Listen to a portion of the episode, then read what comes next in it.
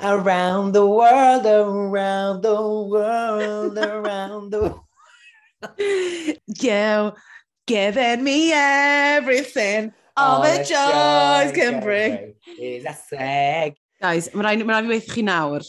Ni di cael 30 eilad o chat yn mynd straight in. So... Straight in, at the deep end. Oh my, ond o mae'r benod yn ffres yn y meddyliau ni, felly dwi'n methu aros i ddisectio. Chos da ni wedi trafod o gwbl na dda, be ddigwyddodd yn y benod yma y dechrau, UK as the host nation mm -hmm. for our next series of Drag Race.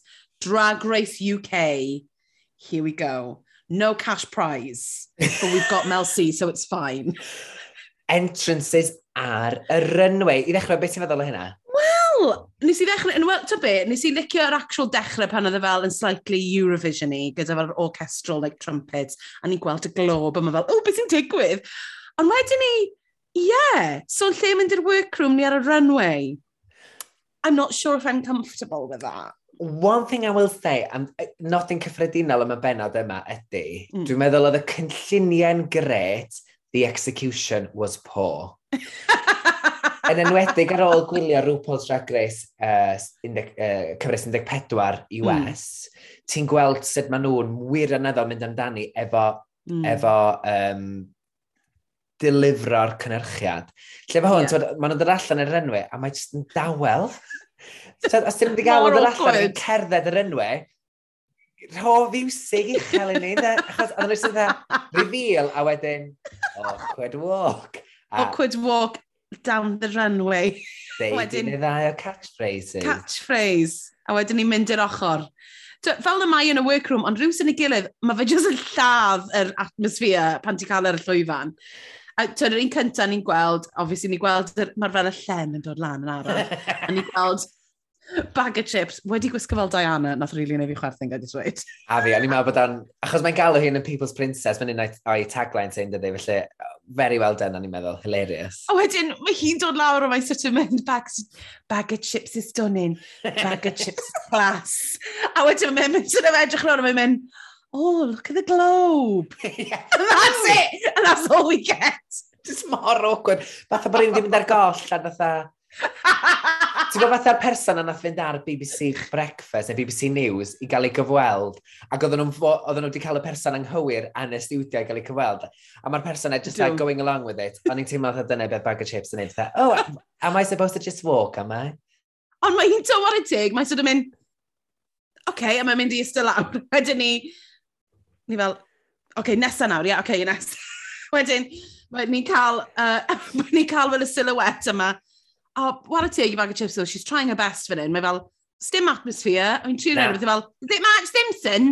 Just ddim atmosphere, se ddim, dyn nhw'n helpu'r Queens ma, o, dyn nhw'n helpu'r Queens ma o gwbl o ran creu atmosfer a cynnwrdd ac teimlad elevated i'r ben... i'r hmm. gyfres ma. Fatha, Mae hwn yn bod yn benod uwch ben y cyfresu arferol. Mae jyst fatha, hmm. and the next category in the carnival, yn neu a bentre allan uwchlyn ydy... Ond mae, achos mae fe'n, it's like, we're straight in, ble mae'r foreplay. Come on, yeah. guys. Yn hollol. Yn tipyn bach cyn. it's just, woo, here we go. Sa'r pants off to? Dyna sound! o pwy sy'n nesaf dde? Blue Hydrangea ynddo? Blue Hydrangea wedi gwisgo mewn glas head to toe. Mae hi'n rili really licio lliwiau ni ond dyddi yma, nhw i? Yndi, dwi'n meddwl bod hi, mae wedi perchnogi'r elfen bach, chydig bach fwy fatha, um, uh, beth i'n gael cymeriadau mewn gemau. Ti'n meddwl chydig bach, cosplay'n bach, math o beth. Mm -hmm, mm -hmm. Um, mae wedi perchnogi hynna fwy, dwi'n meddwl, ando fi'n really hapus hefyd bod i ddim wedi mynd lawr sort of yr um, plastic surgery route, unlike bagger. Achos mae'n mae, edrych mor fresh dal i fod, a mae sort of, mae'r elfen yna'n really nice. I was, I was really happy to see that, Maynard. Yeah, it's because aging gracefully is a beautiful thing. That's me. no comment, no comment. No comment, but if there is, as oes not, if there's an angel out there that wants to If there's an angel that'd like to touch Meilir, fi siŵr bydd yn hapus. Absolutely, for a, free, for a sponsor, a free sponsor, free mention on the podcast. mae'n gweud i, mae'n gweud i is this shade? Dwi fel, I was nervous, but um, I was... Oh, sorry, nes i trio wneud Please, Northern Irish accent. Mae'n rhaid i cynnwytio efo fan. Uh, hi now, Brian Kai. I was nervous, but now I look at you and I'm not. Uh, no, sorry, oedd hwnna'n awful. Ond, oedd hi fel, I'm, I'm nervous and then I looked at you and now I'm not. And hi fel, straight in with the shade, which I enjoyed. Ie, yeah, ac hefyd, mae'n un o pethau lle, dwi'n mynd siŵr sydd bagan fwriadol wedi uh, just i mynd fatha, dwi'n uh, British Queen, da ni'n amdan y looks mawr mae gyd, so dwi sy'n dod efo'r camp humour ac mae hynna ddigon. Ta, mae di mynd, neu ydy hi eich meddwl, o, oh, mae hwn yn elevated bag of chips. Na, fi'n meddwl bod Bagan eitha, eitha, mae'n gwybod yn iawn, she knows what she is, dyna pa mae'n queen da. Mae'n gwybod bod hi ddim yn looks queen, mae'n, mm. hi, she always has been camp. A wedyn ni, mae gennym ni y drydydd UK queen, Cheryl Hole, yn edrych yn absolutely gorgeous. I mean, oh. I skater from Essex, yes, yes. please. Mae, mae mor polished. Ac dwi mm. yn teimlo de, yn dod i fe, yr un peth y goedd fi yn Meet the Queens, dwi yn teimlo bod di'n tanseilio hyn efo'i hyder. Mm. Lle dwi dda, come on, Queen, mi ti yn gallu cystadlu'r ar yr un lefel. Mae gen i'r un charisma, ac dwi'n gwybod bod ni'n fod i gymharu Queens, ond mae ganddi hi'r un charisma a Liz Edwards, sef ond yn credu mm. ni hi hun dwi'n meddwl. Mm, na, fi'n fi cytuno gyda ti. So mae'n gweud, I'm ready for another season of being mediocre. Mae'n ma, ma, ma, ma joke doniol yn ar yr un pryd, mae fel, come on nawr, ti'n gael, twyd, you're not just the mediocre queen. Twyd, mm. o'n ni, i'n caru hi ar, ar ei chyfres i. A fi ddweud, mae mor anwyl, ag, ond mae yn neis gweld, mae hi yn dod â'i elfen o polish i'w looks, wan, dydy. mm. Which is great. Ydy, a hyd yn oed yn y bit yma, hi oedd yn actio fel host bron y bod, oedd yn really nice i weld hi stepping into that kind of rail, you know? Ie, yeah, ie, yeah, meddwl cynnyrchyd ganddi. A we... Oh. Well, ti esbonio beth ti'n neud, achos mae'n So gallu swnio bach yn... Lip tint gan um, Charlotte Tilsbury. Ti'n mynd i ddangos i'r camera? Mm. Gofyn ni'n gallu dangos e un... Uh, na, na, da ni'n cael sponsra. Sod them. Lovely. Fi'n gwisgo um, print dim make-up. Dwi'n cake yn fach swnio dda syth y gwaith. Just for balance, just for balance. um, a nesaf mae gennym ni, Janie JK? Dwi'n gweud yn yeah. iawn, achos bob Janie tro fi'n mynd JK. A mae rhyw Paul yn y peth. Ie, ti'n di gweld the panic. Uh, yn dod allan mewn wig glas beautiful. A mae'n actually really ddiddorol i gweld i highlights hi, achos beth maen nhw'n dangos fel highlights package o bob Queen. A mae un Janie JK, fi'n wedi gweld dim ohoni, o gwbl. Mm. A oedd yn eitha diddorol i weld i looks hi, mae'n edrych yn gorge. Mae gen i, mae'n uh, hyderus mae'n dawel hyderus yn ei hun o ran, fatha, heb fod yn rhy coci, mae just yn gyfforddus iawn yn ei gallu, ac mae'n e rhywbeth ofnadwy o braf gwylio rhywun fel e, achos ti'n gallu ymlacio wrth i gwylio ar y teledu. Maen nhw'n hapus i fod yno, maen nhw'n gyfforddus yn, i'w, yn be maen nhw'n gallu, yn ei gallu hunain, ac I can't wait to see how this turns out. Same, same. A uh, nesaf mae gen ni The Big Tits Jimbo yn dod allan uh, gyda rainbow outfit weird ma'n tynnu toasty allan o'i fits. Ie, panini yn y beth, ie, toasty, di anna. Ie. A mae'n dangos dy hoff glip ti o pan mae ar ben y mynydd na yn, yn gyfres uh, cyntaf o um, Canada. Legendary. Gwynt. Absolutely legendary. At, yn yr, yn yr um, confessionals mae eto yn gwneud y llais mae, hey, I'm Jimbo, mm. and I'm from Canada, the first season of Canada's Drag Race. Oh, dwi'n dwi, dwi caru tôn i hiwmor hi, achos mae e o just mor ridiculous. Mm. Ac o'n i yn edrych ymlaen i weld be fysa'n digwydd pan fydde hi a rhyw Paul yn cael ei cyflwyno, but we'll get to that. Mm -hmm. A hefyd oedd hi'n gwisgo'r un um, gwisg gyda confessional ac oedd hi yn ei chyfres hi o Drag Race, Canada Drag Race. Yr un jacket na, efo'r sef. No mm, way! Mm. Wel, mae hi wedi gwneud i gwaith cartref. Wel, fi. Is Isi ar Twitter pnawn ma pan o'n i'n bod. Uh, a wedyn ni ma, ni'n gwybod yn syth, uh, mae'r sgidiau meli, melyn yn cael ei revealio, ni'n gwybod yn syth taw lemon yw e, yn edrych yn absolutely stunning. Lemon. O, paid, paid no, dechreg. Paid dechreg gyda fi gyda dy lemon fucking shoulder. So, Wel, spoilers, hon di'r unig benod fer arall oedd yn gallu neud yna, de? Mae'r wisg ma yn... Oh, mor satisfying. Sorry. A mae'r Anna Peidio ni. Lemon shoulder. Mae'r wisg mae mor, mor fendigedig a mae jyst yn atgoffa fi fatha dol pan ddyn ni fach. Ti'n gweld dol mewn bocs ar y silff a ti'n dda, mm. o, oh, dwi eisiau hwnna. A, mm. a dwi'n meddwl bod hi'n edrych yn delightful. Cytuno. Um, Rhaid ni ma Pangina Heels yn dod allan yn edrych yn, oh! Oh! Yes, please. Expenny Henny. Expenny Henny. mae'n dod allan, mae'n hollol wahanol i Meet the Queen's look. Mae, she's already giving us variety. So mae Cheryl yn gweud wrth hi hefyd, I'm glad I haven't seen, uh, yn gweithio, I'm glad we've got someone else who hasn't won a challenge. Ha ha ha ha ha. Achos he's hi sydd yn hostio Drag Race Thailand. A uh, gweld y looks yna pan oedden nhw'n dangos yr... yr um... Dangos yr er supercut. Diolch, Meilir, ie. Ond mae dangos, mae diwylliant drag yn Thailand mm. yn gwbl wahanol eto, ond mae o hefyd mor gyfoethog. Ddim jyst o ran pres, ond o ran y cryfder yr, yr gymuned yno. Mae'r mm. ma lefel drag Pangina yn excellence, yn dydi?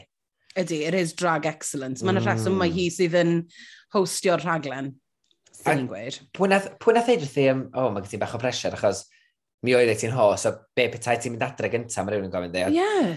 Ti'n dda, mm, well... I didn't like that, o'n i fel, wow nawr. Na be o'n i fel, Meilir. Wow nawr. Fucking hell, sorry. Uh, er, er gwyb hefyd, pawb, um, falle bod gennau Covid, so fi, fi nid yn unig uh, efo baby brain sydd yn mynd yn waith bob dydd, ond hefyd mae gennau Covid, so fi'n really sleepy.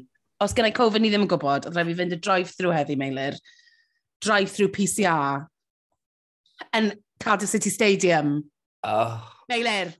A dwi wedi rhoi time pressure ar bob ddim. Do, so mae hwn actually neitha stressful. Meilir. We, we woke up today and we chose chaos. We chose, as always, we chose chaos. We chose uh, chaos. Uh, a wedyn ni, mae Mo Hart yn dod ar y llwyfan. A sy'n ni'n gweud, mae hwn oedd yr entrance look gorau i fi, gyda'r gwallt amazing yna. The hair, the dress, the sunglasses. O, oh, ni'n meddwl bod ni'n oh. ffôl. Oedd y look ma yn fendigedig. Ac yr un ochr ma... Sunglasses, o! Oh. Yeah, ar un ochr yn fwy na'r llall, mm. y wig plastig, Mae ti'n plastig nid yn gwallt iawn, wel, dwi'n meddwl bod yn wallt go iawn. Mm. Er, royalty'n doedd. Oedd e'n really, oedd e'n drag excellence. A wedyn ni instantly yn cael shade efo Cheryl, a nes i really joio hwnna, dod fun shade. A fi, yn barod, maen nhw'n ma nhw dechrau peintio hi fel villain of the season. Mm, ond a... mae'n fwriadol hefyd, ond i'n mynd i ofyn eitha, be wyt ti'n feddwl o'r ffaith bod hi wedi dod i fewn a ti penderfynu, dwi'n di roi yr agwedd hyderus, o'r hyderus, mm. uh, enillydd mae ti, e, verging on cockiness, chos mae'n gallu mynd dwy ffordd efo gwylwyr.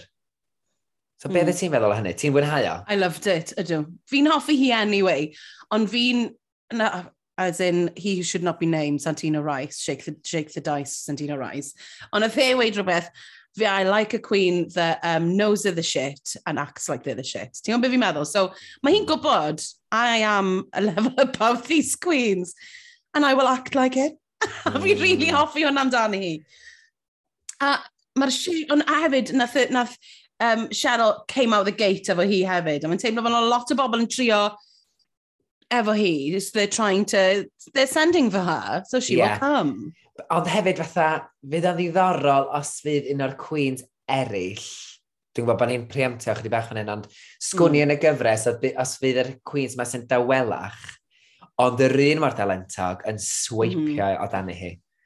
Achos maen nhw'n pledleisio i gilydd off, so os yna rhywun yn gryfach neu gen Ciron, maen nhw'n penderfynu, wel, ti'n let's get rid. Ond hefyd, mae kind of angen i ti gael ffrindiau. Oes. Achos, ma, achos, sori, nathon ni ddim, o ie, nhw'n ni drafod hwnna mewn bach, a sut maen nhw wedi newid, dim newid yn cael rheolau.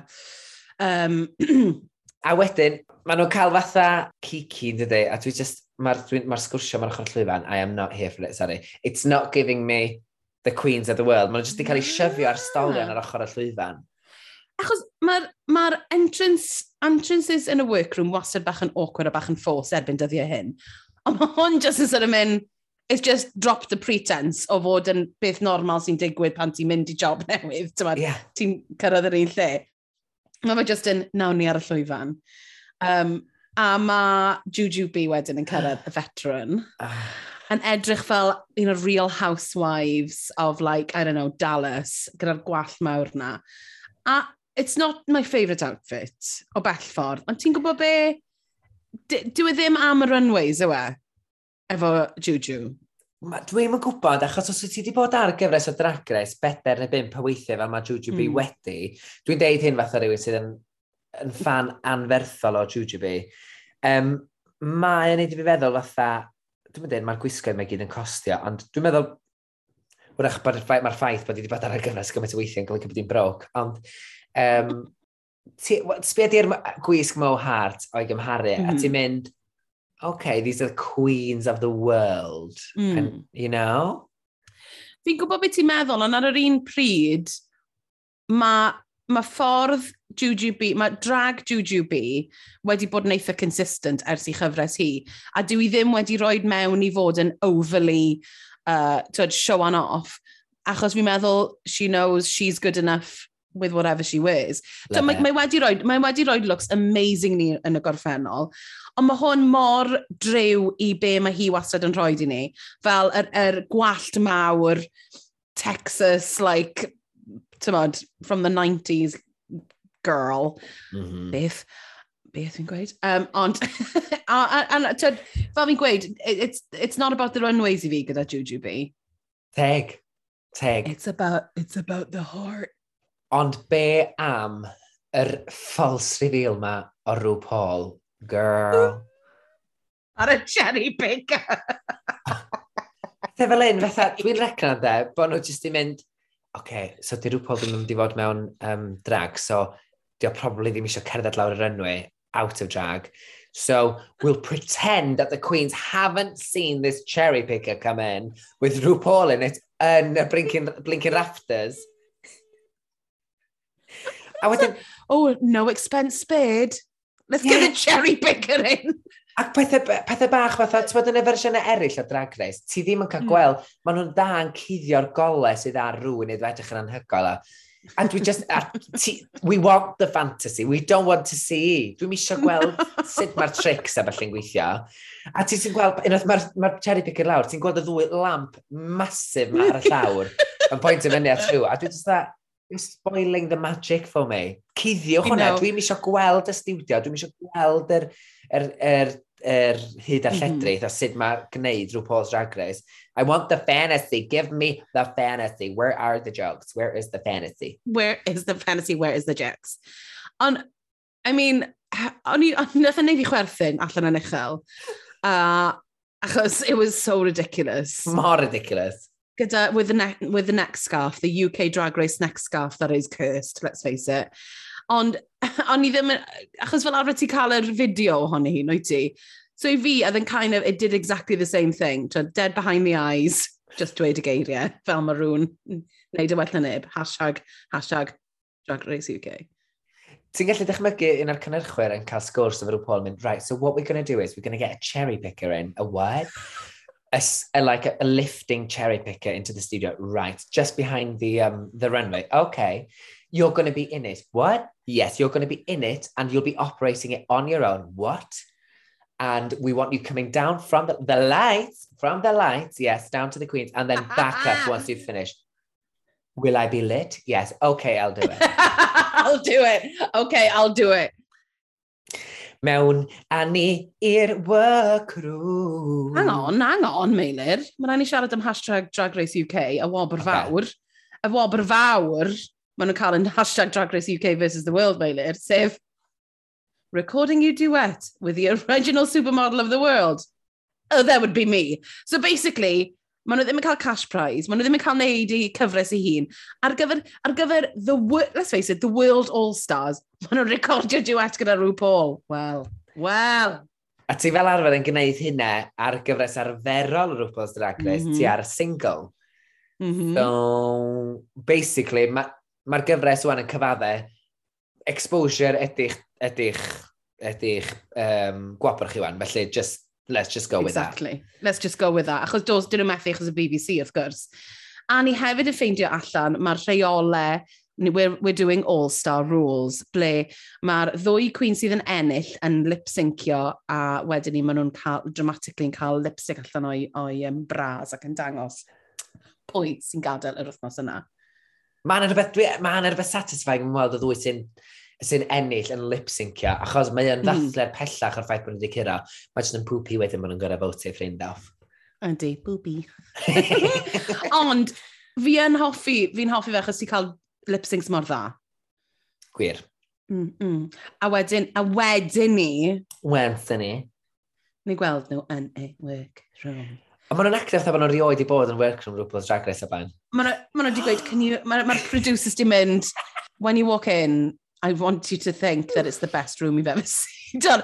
Well, let's do it. Let's do a oh. dramatic, a dramatic game, and it's the best thing you've ever seen. Go. oh my god.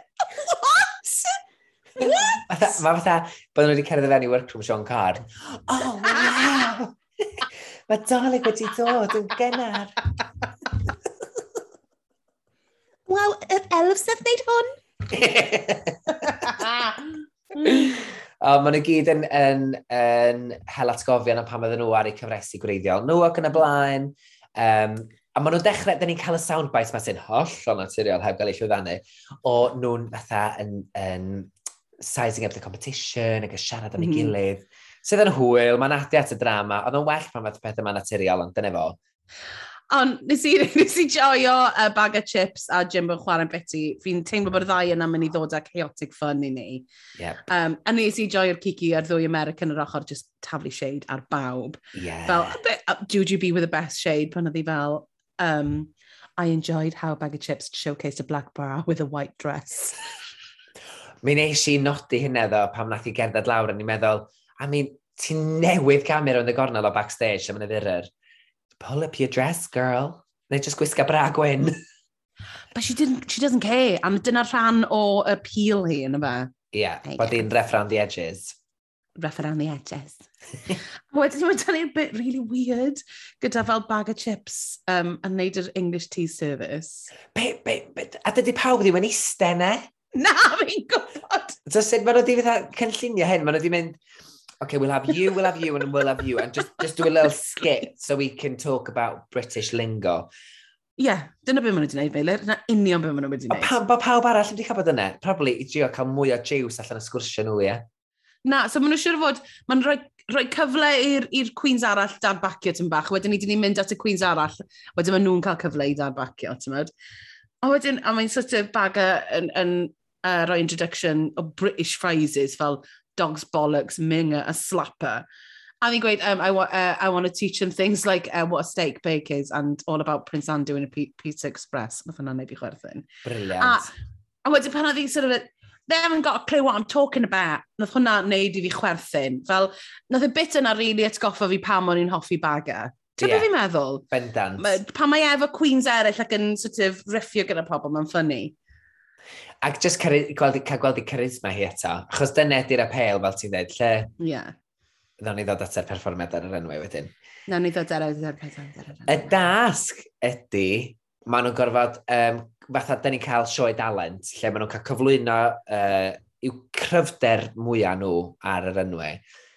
A gael jyst gweud, talent show yw fy hoff i ni. Fy hoff, um, un o fy hoff challenges. Um, A ni'n dod mewn i'r uh, workroom gyda, gyda dydd newydd nawr, a mae Blue yn cael conversation gyda Mo yn gweud pan nes i gwrdd y ti tro cyntaf, nes i ddim rili ddim hoffi ti achos ti'n stuck a bitch, basically. a mae Mo um, yn gweud wrth hi, we all have our Alyssa Edwards moment, which I was like, Ooh, there we go. Ond eto, wyt ti'n meddwl bod y sgwrs yma wrach di dechrau off camera a wedyn mae'r producers yn mynd, let's have that on camera, a maen nhw wedi gosod yeah, llwyfannu fe, achos mae mor random bod nhw'n sefyll wrth ochr yr... mae, mae fatha made in Chelsea yn dydyd, lle maen nhw'n mynd, okay, Ydy. we're going to stage a little moment here. Ond fi'n meddwl oedd y sgwrs i hun yn actually yn eitha genuine, achos fi'n meddwl fel ti'n gweud, fi'n meddwl that is a thing that happened, a nath Mo i ddechrau bod yn sort of standoffish a, a high and mighty amdano fe. A wedyn ni, she was embarrassed, so ti'n gallu gweud. Hefyd, why are you coming for me? Hwn yw'r diwrnod cyntaf dyn ni efo'n gilydd, a ti'n gweud wrth pawb bod fi'n twat. Mae'n un ffordd i blw ddangos, wrach bod fi'n ifanc, wrach bod fi'n dod drosodd yn anwyl, mm. ond dwi'n gosod fy boundaries rwan. Dydw i ddim mm. yn rhywun ddech chi'n gallu chwarae gwmpas efo, dydw, i rhywun ti ddim yn cael cerdded dros efo, neu dros hi, felly back off, lle, mm. falle. Ond mae conversations fel na i fi, fel arfer gyda, gyda the old series, the good series, bys rhywbeth fel yna'n dod allan yn, yn tucked, neu pan maen nhw'n rhoi make-up mlaen, neu rhywbeth fel yna, tyd, oedd e jyst yn teimlo mor, o, rhaid ni siarad am hwn nawr. A ar y diwrnod cynta, o'n i jyst yn teimlo fel, that was a bit shitty of blue, actually. Cos nawr, nawr, mae hwnna wedi lliwio y narrative gyda, gyda Mo Hart, bod hi yn diva, diva bitch, right? Do. So, mi, ddath, mi ddoth i fewn efo'r agwedd yna hefyd, do, pan nath i dod rownd y gornel a instantly through shade at the Queen. So, dwi'n meddwl bod hi'n chwer, fydd hi'n chwerw am hynna o gwbl. Achos mae'n mm. dangos i hyder hi ag mae rhywbeth mae hi'n falch ohono fo, dwi'n meddwl. No, ti'n iawn. Ti'n iawn. Diolch. A mae Pangina a Jane ni'n sôn am um, sut maen nhw yr unig rhaid sy'n cynrychioli ei glad. A, a na, na beth oedd, e, achos um, Janie oedd yn siarad i Pangina am uh, you're going to take criticism. And he weighed, I'm good at taking criticism and penises, which I really enjoy. Love that, straight in. love that, love that, love that. A mae'n sôn um, bod hi'n, e, maen nhw'n sort of edrych rownd a maen nhw'n gweld, so there's actually a very high caliber of drag o'i cwmpas nhw. A mae tro cyntaf ti'n mynd, hon oedd y tro cyntaf yn y pen, ond nes i fynd, o, fi mi eisiau unrhyw un i fynd. No. Fi eisiau gweld nhw gyd. Ac, e, achos hefyd, os ti'n meddwl am peth, os ti'r ffainal yn mynd i fod efo 3 neu 4, wel nag, yn ôl yr, yr grid maen nhw wedi rannu ar, yr BBC, ar Instagram BBC, mae yna bedwa, beder o'n mynd i fod yn y ffainal. Felly dim mynd i fod yn gyfres hir iawn. So, mae fysa fod i fod yn neis yn ei cael un benod lle mae rhyw Paul yn mynd, you know what, stuff it, I love you all, let's keep you. Ie, yeah, bys ni wedi licio hwnna hefyd. Ond, wel, yeah, exactly, ond RuPaul isn't choosing. Dyna pam oedd e ddim wedi digwydd, ti'n mynd. Gwir, gwir. Where's the filler queens? We need a filler queen! There yeah. isn't one! Na, na, llal. A wedyn ni mi i Juju B, Lemon a Cheryl yn um, rownd y bwrdd yn siarad. A i fi, Juju B says, the line of the series yn barod. Um, it's already been UK versus the world for centuries. A ni fel, wow. Fucking quick! I mean, maybe it wasn't quick maybe she thought about it before. Ond... Ond, fel ti'n dweud, mae gwirionedd yr, er, er, er datganiad yna jyst mor... Mae'n zinger, mae'n zinger o lein ac uh, cymryd wirionedd ac fel ti'n dweud, yn hollol drewi gymeriad Jujube a jyst bod yn mm. mor sydyn efo leins bach fel a gwybod pryd i plannu nhw hefyd. A wedyn ni, ie, yeah, mae ma, ma bit yma bach yn bitty. So maen nhw'n mynd o un sydd y Queens i'r llas sydd yn really nice fel introductions i'r Queens, fi'n meddwl. Mae'n siarad am gwahanol drag yn ei, um, yn ei gledydd nhw, a be mae pobl yn meddwl o'r, or uh, drag yn y llefydd yna. A wedyn ni, yng nghanol y bit really neis nice yma pan maen nhw'n siarad am drag yn ghanol um, gledydd, mae bag of chips yn sylwi bod nhw ddim digon o sylw arni hi yn cerdded i ganol ystafell ac yn just mynd, do you know what guys, I'm not going to lie, we are who we are and I'm going to bring on the fucking runway tonight. So let's let's do it. Live your authentic life. To all that's to all my fans around the world. It was like, fi yn cael digon o sylw. And... Neu, mae'r producers mynd bag a go spice up a bit, please. Ti'n meddwl? Oh my god, go iawn. Achos fe bag am ffrindiau efo'r producers mae dwi'n recna. Mae'n dod yeah, o'r yeah, gogledd, yeah. mae hwn yn cael ei ffilmio'n Manceinion. Mae di wneud... Yndyn, mae'n ers tua ers, dwi'n meddwl oedd gyfres gyntaf UK yn cael ei ffilm yn Llundain, ac ers yna maen nhw gyd yn cael ei ffilm yn Ceinion. Wel, wel, ond wel, yeah. fi ddim yn syniad. So, you know, so dwi'n yeah. cymryd fel lot o staff allan dod yma'n Ceinion. Mae'n nabod hyn, mae rhywun di mynd i gwan bag ac o mix-up. A mae'n mynd, right, girls! A fi just, oedd e'n unhinged. Oedd ti'n gwybod. A wedyn, be, be, be, be, be, be, be, be, be, be, be, be, be, be, be, be, be, be, Bam, mm. bam!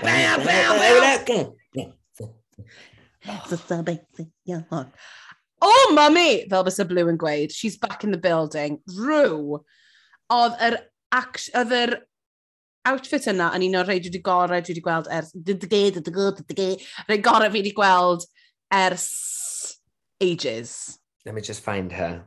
Oh. Wel, mae dair ffroc um, pink yna gyda'r cutouts, a mae gen hi'r Tate melyn um, flowery gyda... Oh! Be ti'n licio fa? Oh, I loved it, Meilir. O ti ddim? Na, o'n i'n meddwl, wr, ach bod hwn yn gam rhy bell allan o wheelhouse, neu allan o fatha uh, stale rhyw Paul. Oh, wel. Achos o'n i'n gwybod be, wrach na bai fideo, achos o'n i'n cweit yn cael y references yna fa. Dwi'n meddwl taw. Wel, I think... Oedd 80s yn bach, a... Dwi'n bod, oedd y lliw y tait yn bach yn weird ar embellishment ar yno. Ar y gamra, dwi'n meddwl oedd o'n trwsglwyddo mor llwyddiannus ella fel... Wel, oedd o ddim ar fy nheled i fi, wrach bod yr terrestrial aerial di mynd yn wonky rhywbeth. Di mynd yn wonky? Weithiau ni'n cytuno. A weithiau ni ddim. o'n i'n meddwl bod hi'n edrych yn amazing gyda'r gyda wig yna hefyd. I love Hwn di'r tro cyntaf dwi wedi meddwl bod Rhw Paul yn edrych yn top heddi a bod i proportions i rawn. Oedd y gwallt masif ma, oedd i sgwydda hi yn cael sgwydd y sylw, a wedyn oedd y ffrog mae'n mynd reit fan ar ei hips ac yn dyn o'n gylch ei choesau, ac yn i'n meddwl, oh. dwi'n meddwl bod hi'n edrych yn top heddi. Fi'n meddwl bod ti'n top heavy, mate. E. It's because of my ego. It's because of my big head. It's because of my big fat head. Ooh. Oh God. Oh, a wedyn ni'n ni, gweld Michelle sy'n edrych o'n Morticia Adams. Mm -hmm. Graham. Graham Norton. Graham. Graham Norton. Graham Graham Norton yn edrych yn gorge as usual. Mm. A mm-hmm. wedyn Mel C wedi gwisgo fel sporty spice. Understood the assignment. I'm going to a drag show and I'm going to come as sporty spice. And she had her lines ready. She had her, her reads oh, ready. Oedd hi... Oof. Rhain o landio, rhain o ddim, but we'll get rhain to them. Rhain nhw ddim. a rhain honno nhw bloody ddim. Uh, ond I really enjoyed her as a judge. We'll talk, we'll um, talk about it. Um, oh. yeah, o'r rhei, fel dwi'n dweud, okay. o'r. Nid i gyda beirniad eithaf, a ni dweud, OK, get back in your lane, girl. You are not a drag queen, but love no, you. But she's a spice girl. She gets to do whatever she wants. OK. Gael i just gweud gyntaf, before we start anything, bob tro oedd y camera yn panio i Jimbo, o'n i'n chwerthin allan yn uchel. bob tro, oedd yn edrych ar, ar hmm. unrhyw talent, a'r y fucking gwyneb sperm yna. I was weak. Dwi'n meddwl na'r reference de, o ran be, y cymeriad allan Scooby-Doo the Movie ydi ar, yr er, er goth drwg allan Scooby-Doo the Movie. Oh! oh. A fydda, pan ti weld o, mae o'n agos iawn o ran sut oedd hi'n edrych. So dwi'n cymryd na hwnna oedd y look, ond oedd yr fersiwn oedd hi'n neud just in something else. We'll get to it. Ond ti'n iawn, just... just the cl clown. Clown. Oedd hi'n edrych fel, oedd hi'n edrych fel mad clown. Oedd. Oh, anyway, beth am ddechrau gyda? Lemon. Beth ti'n meddwl o performiad? Wel, i ddechrau fai, gai sôn am na i sôn am y cynnyrchiad i ddechrau fai. Dyma be dwi ddim yn gwerthfarogi uh -oh. ydy gallu gweld staples ar hyd y bocs oedd hi wedi gerdded fyny ddefa, a gweld mae papur, tad oedd papur wal ysgol, melyn oedd nhw wedi styffylu i ryw fox i gael ei gerdded fyny fo, a di peintio llun, uh, tynnu llun y lem, stencil lemon efo fel tips. Ond nath nath hi ddim dod o hwnna efo hi? Na, na, mae'r ma, ma cynnyrchiad sy'n sy darparu hwnna. Efe. Os dwi'n gallu gweld y staple sydd ar hyd y box, Sorry, dwi o lias y bocs wedi'w beintio. Nes i ddim sylwi, nes i sylwi bod yn edrych bach fel um, Bouncy Castle, ond nes i ddim sylwi ar y staples yn byd. Wel, ond o'n i ddim yn gwisgo spectols, so... Mm -hmm. Wel, Bydde ti'n meddwl o'r perfformiad i hun? Um, o'n i'n meddwl bod y lip sync yn, yn slightly underwhelming o ran i gwyneb, hei dwi'n cytuno fo Mel C, dwi'n meddwl nath ddeud bod ei gwyneb i chdi mm. bach yn just yn ddiegni. Um, ac oedd hi'n gorfod symud i gwallt yn ôl drwy'r mm. adeg oedd yn mm. distracting yn ofnadwy. Oedd ei sgiliau dawnsio hi'n ofnadwy o um, uh, impresif. O, ag, ond petai hi ddim wedi neidio o dop y box ac neu split, swn i wedi bod yn ofnadwy o siomedig, ond nath hwnna achub mm. mewn. Nes i ffeindio fe yn eitha, yn eitha boring. Fi wedi gweld e. A, sori, mae Aja wedi wneud death drop fel yna'n barod. So, nath e ddim rhoi unrhyw beth newydd i fi. Um, oedd e y dawnsio'n ffain, o'n i'n meddwl, ond nath e ddim showcaseio ei thalent hi, dwi'n meddwl. Yeah. O'n i'n licio'r gan, yeah. oedd y gan yn ffyn, ond ar yr un pryd mae angen i fi gael y performiad i gyd fynd gyda fe, otherwise beth y pwynt. Yn allal. Next. Next. Mo Hart yn canu'n fyw, yn edrych fel Tina Turner. Oh, oedd y wig oh. yna. Ac ti'n nath hi, oedd hi'n gwybod bod hi'n mynd i fod yn ysgwyd i ffen. Nath hi ddewis mm -hmm. wig addas. Oedd hi'n mm -hmm. flipio'r wig yn eitha, oh my gosh, oedd hi'n mynd i ddod off. Na, na, na, na, mae hwnna, no. di hwnna mynd i nynlle. Ac oedd hi'n mhm. taflu'r gwallt mae gwmpas.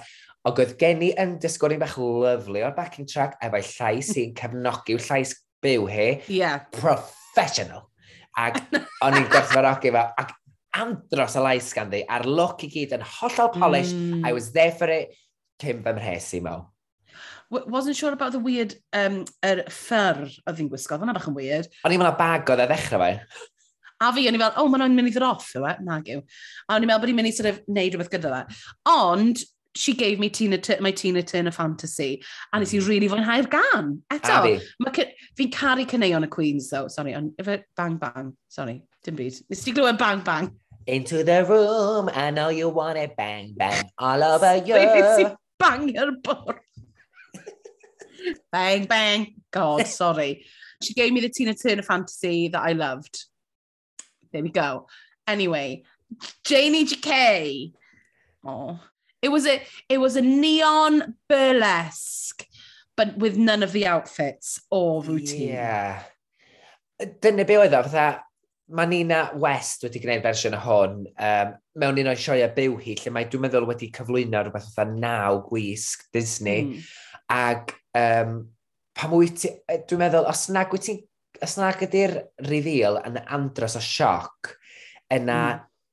ti wedyn yn gwybod beth sy'n mynd i ddod am weddill y perfformiad, a wedyn ti'n gwybod beth ddisgwyl, felly mae'n slightly underwhelming. Ac gymaint o'n i yn mwynhau y perfformiad, Ie, yeah, na, fi cytuno peth yw hefyd, mae angen lefel uwch. Os bys hwn yn, yn yr normal drag race, falle she can get away with it, ond hwn yw, mae fe'n lefel uwch. Ti wedi bod ar y rhaglen y barod, ti'n gwybod beth mae rhaid i ddod. A pan oedd hi dynnu reveal cyntaf na efo'r horrible gwyrdd uh, ffrogwyr, a ti dal yn gallu gweld y sleeves yn, twyd, yn really dris ar y gweilod. yn sort of, oh, oh dear. A wedyn, nath i, nath i newid mewn i'r swimming costume, a wedyn y swimming costume arall oedd efo fel yr tyd, y skin new delusion. A ti jyst yn meddwl, oh. oedd angen mwy o reveals, oedd angen reveals gwell, oedd angen iddo fo fod yn ddrytach, sori. Ti gallu neud rhywbeth, neu, ti, ti angen, ti gallu neud rhywbeth edrych yn ddrud, ti'n nod os mae fe ddim. A it looked cheap. A, ond oedd ddim digon o filler, ti'n mynd? Na, neu ti'n neud o yn llai o production, ond ti'n deud stori'n well. Mm -hmm. Fel nath rhywun... Yeah. Uh, da ni wedi gweld burlesque at y striptease o blaen, mm. a uh, ddim just striptease ond ar ran reveals costumes o blaen ar y rynwy. Ac os wyt ti'n mm. enw'n iawn ac yn daclus ac yn uh, effeithiol, yna maen nhw'n mae'n gallu bod yn ofnadwy llwyddiannus, ond oedd, oedd just, oedd o'n bach dda gormod o, o, o, o rhywbeth lukewarm. Oedd, a sy'n meddwl nath yr, y track nath i ddynyddio particularly helpu, achos oedd e'n just yn teimlo hyd yn oed mwy fel Empty Strip Club mm. um, yn Amsterdam. hyd yn oed bys hi'n lip-syncio i rhywbeth tra neud e, bys e wedi bod yn well. Yn Ond na, yn anffodus, nath e ddim really hitio'r hitio marc i fi, ti'n meddwl? Na, cytuno fach di. Mm. A wedyn, fi'n meddwl bod ti'n mynd siarad am hwn, bag of chips uh, trying to keep up with their own song. Pan oedd hi'n dechrau, a rhaid i fel, it's a bag of chips! Just like, well, the, the trying to keep up with her own voice was cracking me up. A nes i ddeud yn y benod gyntaf, do, um, gobeithio gan i glywed uh, catchphrases newydd, ond mae'n un ffordd, mm -hmm. dwi'n maddau iddo yn y benod gyntaf, achos Mae'n ail atgoffa ba pwy ydy hi, ac ar ddiwedd ddydd trio plesio rhyw Paul mai, a rhyw Paul yn yeah. lyfio pan oedd hwnna oh, wedi digwydd. Ac um, mae ma, charisma hi jyst yn cura unrhyw... Mae'r ma, r, ma, mm. ma ffaith bod o mor ryff yn adio at charm y peth. Felly, mi wneud eisiau fwynhau o. Ond o ran talent, os mae talent iddi charisma, which is charisma, uniqueness, nerve and mm-hmm. talent, mm. fair enough, that dyna, don't mean alth i ddangos yna, was it the most amazing performance I've ever seen or the strongest of the night? Absolutely ddim o gwbl. Ac dwi'n meddwl, no. yn enwedig o ystyried y rynwau sydd i ddod, o'n i'n surprised bod hi ddim yn cael ei ystyried ar gyfer y gwylod o gwbl. Fi'n cytuno gyda ti, ond be nath i wneud, a be mae'n wneud yn dda iawn gyda rhyw Paul, is she makes you feel like you're part of an in-joke. Yeah. So, oedd e, e ddim yn, oedd e, e gan ddim yn particularly dda, oedd i gwisg hi yn whatever, a be nath i wneud, ond nath i fynd nudge, nudge, wink, wink, cofio, cofio rhyw, a rhyw wrth i fodd, mm. of gwrs, am, a Michelle, ond, you know, it was fine. Yn allol. Fine. Ie, yeah. ac oedd e lot o hwyl yn efo, ac doedd e ddim yn teimlo'n awkward, oedd e just oedd e, oh, this is, this is, mae hwn yn hwyl. Mm -hmm. Yeah. Wedyn ni, Wedyn ni, we're treated to the weirdest thing I've seen on television. Oh, just... Jimbo yn colli feddwl. So, ydych chi'n meddwl, os i'r hein eich chi sy'n gwylio season 14, Mm. Ma nhw, den, ma nhw'n edrych talent show, ac mae'n yna eh, drag queen ar y yna, nhw Willow Pill. Willow Pill?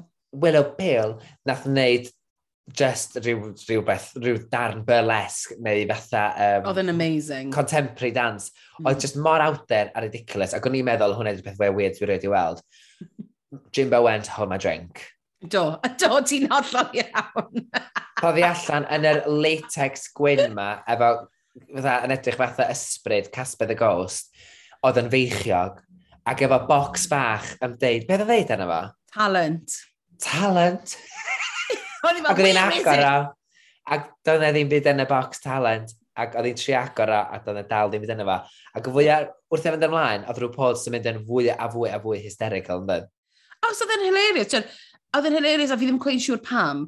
Doedd stompio around the stage, mynd, fuck's sake, fuck's sake. A wedyn ni yn rhoi garedig iddi ham, Grando, os chi'n di watcho hwn, mae beth ni'n swnio, beth ni'n gweud yn swnio'n mad, mae fe mwy mad pan chi'n gwylio fe. a Ond I was entertained, achos oedd yn rhywbeth hollol wahanol. Oedd yn weithio, weithio oedd yn terrifying a scary, weithio oedd yn hilarious. A oedd yn rhywbeth hollol out there, outside of the box. So do, nes i fwynhau e, ond I never want to see it again, even though I will in my nightmares. Uh, oedd o mor, mae o genuinely'r peth fwyaf ridiculous dwi erioed wedi gweld ar yr holl gyfresu o rhywbeth rhagles da ni erioed i weld. Mae hwnna'n gweud rhywbeth. Yndi, mae o. Ond o'n i'n caru fo, o'n i, achos o'n i'n just oedd mae hwn yn, mae hwn yn perthyn i realm arall, and I am here for it. Ac oedd rhyw Paul, fwyaf oedd yn mynd ymlaen, ti yn mwynhau gweld rhyw Paul yn mwynhau hyn. Mm -hmm. Rhyw Paul fatha, mae hwn yn absolutely crazy, ac yn caru fo. Cytuno. Uh, wedyn ni'r gen ni Cheryl Hole. Nawr, dyma be fi'n hoffi mewn talent show gyda RuPaul's Drag Race introduceio hunan a'i phersonoliaeth hi gyda'r gan. A wrth bod hi'n neud, oedd gen hi'r je ne sais quoi yma, oedd yn wahanol iawn i Lemon. Oedd yn canu chan i hun, ond ddim yn edrych yn bod hi'n mwynhau. Oedd Cheryl ar y llwyfan yna yn caru pob eiliad a pob gair oedd hi'n gweud. Ond i'n meddwl bod yn wych. A fi fed, oedd gen i egni, oedd hi oedd yna egni, oedd hi'n hyderus, oedd hi'n anwyl, oedd yr symudiadau yn egniol, o'n i'n mm. licio'r gan, fel ti'n deud, oedd y geiriau'n mm-hmm. glir, ac ffordd wych o gyflwyno hyn i gynulleidfa ar traws y dyr. Wedi gynnu ni YouTube i. Nawr, ma, ma, ma, fi ddim cweith yn deall pam y Queen's yn neud hyn. Fi'n deall, fi deall can fel can Mo Hart, can i'n fyw, lot o egni. A wedyn nath Jujubee ddod gyda'r ballad yma, serious ballad. I Queen si mor ddoniol a si mor, twyd, witty, mae gen ti can really sort of, mm, a, let, a o flaen y ffram yna gyda bits fel yr cylchoedd drych. Oedd yn edrych dda, pan ti'n mynd fewn i bwtsiar a mae'r chains yn hongen y drws. Oedd e bod i'n newydd ddod allan o'r bwtsiar efo, efo dwy jobsan o, o gig moch. Ac, ac o ffaith bod i'n canu... Ia, doedd hi'n mynd yn canu fatha... Doedd i'n lip-syncio a doedd hi ddim yn ah. canu efo dim backing. Ond oedd hi llais hi hmm. mor dawel o'i gymharu ar backing oedd gen i hi hefyd yn canu'w lein hi. Oedd o just, ie, yeah, pawb oedd oh, should we get a... Oh, nath rhywun ddeud o, I wanna, nath Jimbo ddeud, I to get, get my lighter. lighter. And put it in the bottom of her dress. yeah, because what the fuck? Yeah, just i fatha gefnogi hi a fatha mynd, come on, keep going. And hefyd, be oedd y problem fi credu efo'r backing track na is, you could hear the questionable live notes. Mm -hmm. It was some questionable notes. Mm. A, a o'n i bach fel, o, oh, dyma beth ti wedi dod efo ti. Come on. Ie, yeah, ond allan. Ond, na fe, oedd eisiau dangos bod ni'n gallu canu, a oedd i yn, weithiau. Mm. Wedyn mae gennym ni Pangina Heels. Yr un peth a Cheryl, really, dangos i fi pwy wyt ti. Mm. O'n i'n meddwl bod hi'n edrych yn gorgeous. She served me what I asked for, a nes i clapio arni hi fel bod fi mewn drag brunch. A fi hefyd. Honestly.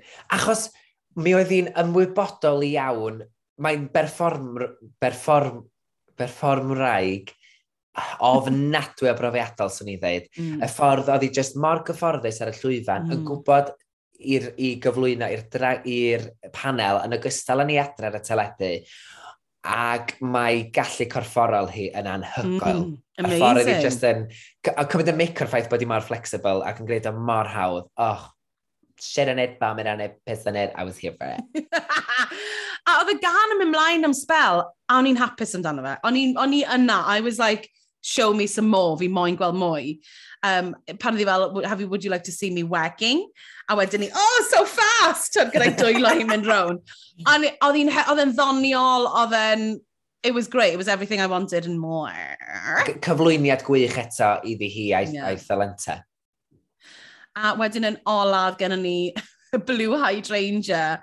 Nes i rili really fwynhau hwn. A fi. Achos oedd yn nuts. Oedd yn nuts. Ond syniad gwych mm. ar gyfer y llwyfan. A really American. Ie. Yeah. Yn union be mae rhyw Paul yn caru. Achos bydde leti ar ben dy hun ar y llwyfan a mae'n gallu ymddangos chyddi bach yn wag. Ac wedyn ti'n dod ar backup dancers mae efo chdi sydd perfectly yn sync efo chdi. Ac yn, ond ar yr un pryd yn hollol wirion ac yn buffoonery. A oedd hi'n...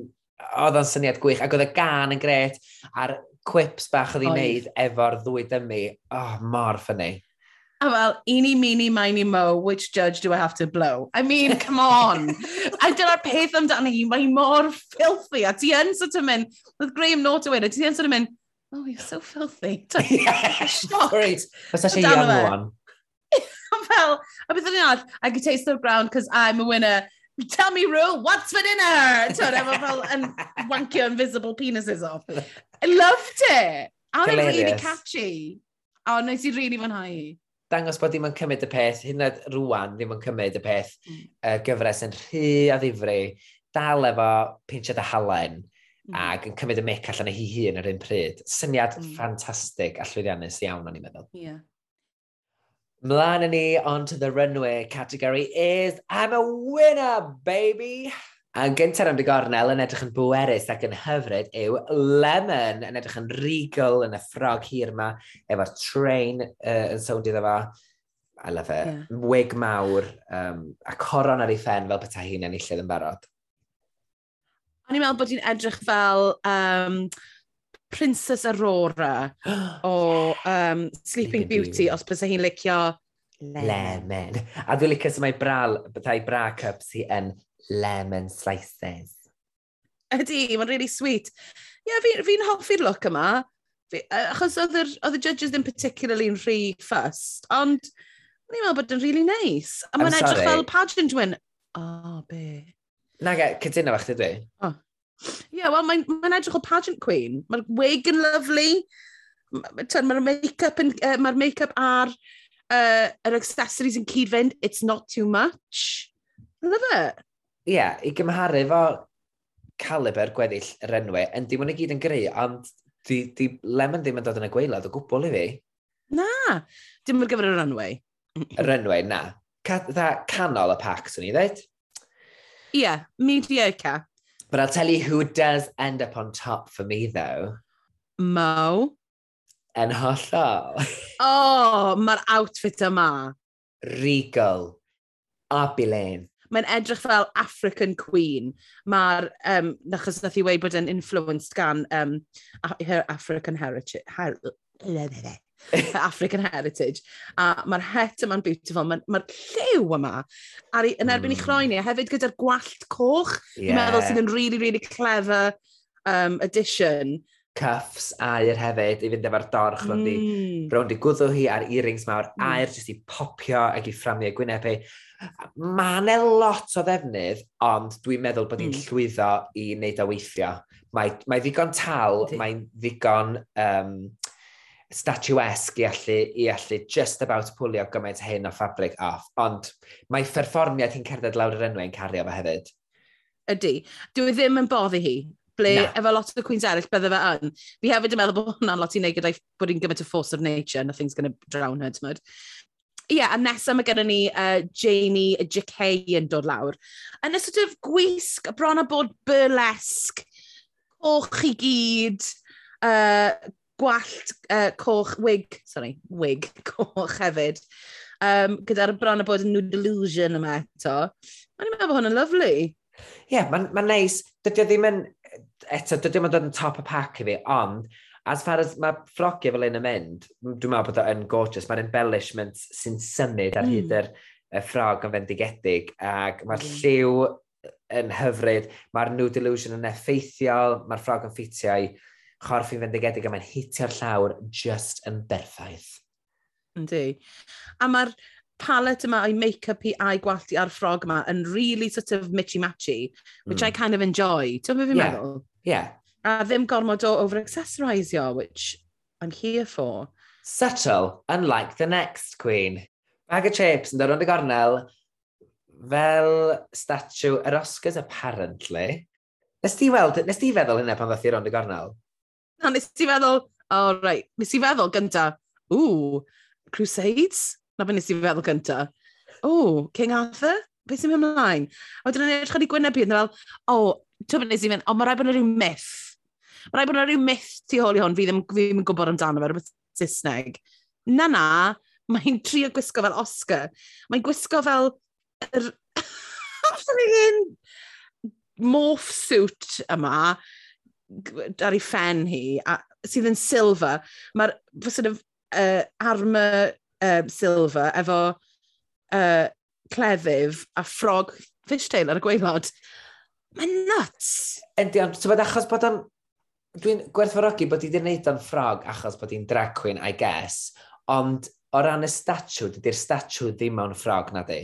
So, sa hi wedi bod mewn fatha trosis aur fel hyn, Dwi'n meddwl sydd wedi bod yn lot cliriach pwy ddyn gefnogi, eh, pwy ddyn gynrychioli, achos mae'n mae, mae, mae gymaint o bethau fan hyn sy'n tipio chdi i ffwr o'r Oscars. Heb sôn am y Gwyneb sydd mewn sied holl o wahanol i'r wisg. That... Hwna sy'n sy bizar. A fel, dwi'n oedd Mel C i wedi pan ddim yn afod llwyfan o e, gos mae Brit Award, achos mae'n edrych mwy fel Brit Award. Os cledd, na, sy'n cleddyf gan oes, gan yr Oscars fel nath Rhw Paul weid, I don't think we'll have any problem with copyright. Nath hwnna rili really neu Oes, mae gen fo gleddyf, ond yr rili ddim yn amlwg o gwbl na cleddyf ydi o. Gan i just cofio hyn wan, keep it in mind, dwi'n dwi, dwi gwerthfarogi bod o'n wahanol i'r lleill, achos mae'n elfen o hiwmor yma, mae'n tongue in cheek, ac um, mae'n syniad uh, high concept, ac... Um, okay. You know, ond fyswn i di rhaid i'n gwylod. O ran perfformiad ar y llwyfan, hefyd... A hon? Does e ddim skill efo'r make-up fan hyn. Na guys. Dwi ddim yn dangos dim byd i ni in terms of fel skill. Mae just, mae mae'n di wneud, dwi'n mynd, ah, what I'm going to do, I'm going to just bloody put it on my face and go out there. A mae dyn actio fe allan. A twyd, y peth yw, she acted it out and it was funny. Ond mae fe jyst yn teimlo bach fel, so chi, chi di penderfynu rhoi lemon yn y gweilod neu Jackie JK yn y gweilod pan this is getting presented to us on As the runway. Diben, I guess mae'n dibynnu beth yw, um, beth yw, uh, beth ti'n gael efo, rhestr ticlis nhw ar gyfer pwy sy'n ennill, achos mae gen ti, achos mae gen ti'r gwahanol fathau drag yma, beth sy'n digwydd wedyn ydy, mae gen ti rei sydd yn trio cyflwyno glamour, pageantry, winner, a wedyn mae bag o chips yn cyflwyno fersiwn i hun o hynna. Wedyn, ti'n rhoi nhw gyferbyn a'i gilydd, a mae'n anodd cyferbynnu nhw wedyn i'w, i'w cymharu nhw, achos ti'n mar marcio nhw'r bethau gwahanol yn dweud. Oed. Wel, ni'n gwybod beth yw'r beth yw ticklist, Meilir. Ydy rhyw Paul yn hoffio, ydy wneud rhyw Paul chwerthin? Yeah. that's, that's it in the end of the day. Yeah. A nath o'n neud i chwerthin. So, there we are. There we are. Um, Syn ni, fel fi fel, fi fel ti dyn bach, sy'n meddwl bys ni wedi rhoi yn y gweilod ar gyfer yr outfit yma. It made me laugh, a... Ond mae yna el, ma na just gymaint o bethau ti'n gallu neud efo'r outfit yma hefyd i neud y bach mwy elevated fel rhoi make-up blaen yr un lliw a y gwisg mae'n gwisgo. Which is fundamental. Speaking of high concept, mae'r queen nesaf oh. yma has gone high concept. Um, we'll get to the tricky bit in a second. Ond o ran gwisg, dwi'n meddwl na fel hyn wyt ti'n cyfuno high drag, glamorous, um, opulence, hefo rhywbeth fwy uh, creadigol sef Jimbo sydd wedi gwisgo fatha um, darn gwyddbwyll chess, y queen o chess. Um, mae mewn ffrog anhygoel ddi a gwyn, mm. efo manylion bendigedig arno fo, a'r mae'r sgwydden bigog i gyd, mae'n gen i'r goron bigog, mae sy'n debyg iawn i coron darno o chess. Um, mae'n gwisgo rhyw fath o fasg hefyd, a wedyn mae di, mm. uh, mae hi wedi peintio i Gwyneb yn lliw du, efo contact gwyn a gweddus gwyn. Da ni wedi siarad dipyn am hwn yn do, ac wedi trio gwneud chydig bach fwy o waith ymchwil i'r ffaith bod i wedi peintio Gwyneb yn ddu ac be di barn bobl am hyn. Ac yr unig beth fyswn i'n dyn bersonol di, fyswn ni ddim wedi peintio Gwyneb y lliw yna oherwydd ti'n misio fo gael ei gam gymryd am rhywbeth arall. Wel ie, yeah, blackface. Mae ma angen i ni weid e. Mae yna lot o bethau wedi bod ar Twitter, um, mae yna bach o Twitter storm wedi bod amdani hi yn ei blackface ar y llwyfan. Nawr, nes i oelio fe a nes i ddim, it didn't occur to me. However, that might be my white privilege, a bod fi ddim wedi sylweddoli but it didn't even cross my mind. Um, in, of a sy'n rhywbeth, ni'n meddwl bod y bach yn lazy, actually, fel bag of chips, just gwneud, peintio dwi'n y bydd fi fel yna. Um, ond ie, yeah, dyn ni'n mynd i, ti'n meddwl bod e'n lle ni roi barn yeah. ar be dyn ni'n meddwl o e. Fi'n meddwl bod, e, bod e'n ddau ni roi, uh, i, we have to acknowledge it. Yeah, Mae'n rhaid i ni ddangos bod ni, bod ni yn deall um, beth sy'n ymlaen. Ond fi'n credu, os ydych chi eisiau uh, trafodaeth bellach amdano fe, ewch i rando ar um, pobl yn y gymuned um, di um, sydd wedi, um, tywed, wedi fflagio hwn lan a edrych ar be mae gen nhw i ddeud. Um, mae yna ddigonedd ohonyn nhw ar Twitter, neu gys i rhaid i ddeud ydy rhoi Jimbo Blackface, a newch chi, newch chi um, gael loads o wybodaeth um, o hwnna. Ond fi'n meddwl bod y lle ni i roi unrhyw fath o uh, farn uh, ar, arno hwn. Um, ar wahân i'r controversy, mawr, nes i really fwynhau y look yma ond i'n meddwl bod e'n elevated mewn ffordd fod ti'n deud hynod o high concept a mae bron fel, this is what bag of chips could have been if she wanted to, ti'n gwybod? Yn hollol. Ac os wyt ti, hmm. edrych ar y ffrog, ac pa mor fawr oedd hi ar y llwyfan, a'r, ar goron, dwi'n meddwl na hon ydy'r wisg fwyaf llwyddiannus ar y runway, y noson yma. Mm. Ie, yeah, achos mae'n y ffordd hefyd bys hi wedi gallu peintio i gwyneb. So, mae wedi peintio i gwyfusen wyn sydd yn... Uh, fi'n meddwl bys hi wedi gallu gwneud rhywbeth bach mwy interesting gyda'r make-up. Achos y peth yw, dyw drag ddim just an outfit. It's, it's not just hair, it's what you do with your face. Fysa dilyn y patrymau sydd ar y ffrog, ar ei gwyneb. Dyna fi'n meddwl. Mm. Wedi bod yn mm. llwyddiannus. Ac wedi... Fysa wedi bod gymaint mwy llwyddiannus. Gwneud pobl a lot fwy cyfforddus yn gwylio ar look mae'n dod lawr yr runway a bydde fe wedi dangos bydde hi yn, uh, bydde hi yn fwy conscious ohono fe. Achos mae'r ffaith bod wedi gwneud hynna fel nes i ddim sylwi arno fe yn dangos i white privilege hi. Felly, ond regardless o hynna, mae dwi e ddim yn dangos lot o skill i fi o be mae'n gallu gwneud. Ta waith. Tawaith. Tawaith. Yn symud ymlaen i'r cwyn nesaf. Cheryl. Um, a mae'n gwisgo fel y ffrog gwyn yma gyda train uh, air gyda dau seren ar ei, ar ei blis a ar, mae ar ei hip. Mae gen i fel, mae'n fel, ti'n bod wedi peintio yr um, ser yma. Be ti'n meddwl, mi? O'n i fatha, dwi, i ddechrau pan ddeth i rownd, o'n i fatha, ydy hwn rhaid syml, ydw i licio fa, i ddim. Ond fwyaf ni sbio na fa, a fwyaf ni'n gweld y manylion setol iawn, fwyaf ni licio fa. Mae'r gwallt yn anferth fatha Dolly Parton. Mm. Mae'r, ma, be dwi'n licio ydy mae'r ser yn matcho, er, uh, mae'r ser ar bob ochr i'w bron hi, yn matcho'r uh, manylion ar i'w hips hi, yn matcho'i sgidiau hi, yn matcho'r tren ar y ffrog, mm. er hmm. bod y tren chydig bach yn stiff. Ond fel look cohesif, mae o yn elevated ac mi o'n i'n meddwl bod o'n llyddiannus tu hwnt. Mae'n feddwl dwi'n mynd i'r look yma ac mae Gwyneb i yeah. fel arfer yn fendigedig efo'r earring. Fydda mae'r make-up yn, yn reit classic. Mae'n stunning. Efo, efo earrings i fatio y ser hefyd. So it's all there for me. fi ddim yn hoffi'r ser. Ah. A fi ddim yn hoffi'r trein. Mae'n edrych o bod i wedi cwmpa mewn i bin Poundland ar ôl nadolig. Dwi'n beth fi'n meddwl ddo, mae'n edrych fel un o'r sort of crappy foils yna ti'n cael ar y, yn y cefn. A wedyn ni, mae'r ddau seren yna, mae'n edrych fel bod it's from a craft shop. Fi jyst yn teimlo pam, fi'n mynd cweith yn deall pam maen nhw mor fawr a pam bod nhw mor fel yna. I mean, falle just yn chwaith fi yw e, it, it wasn't particularly for me.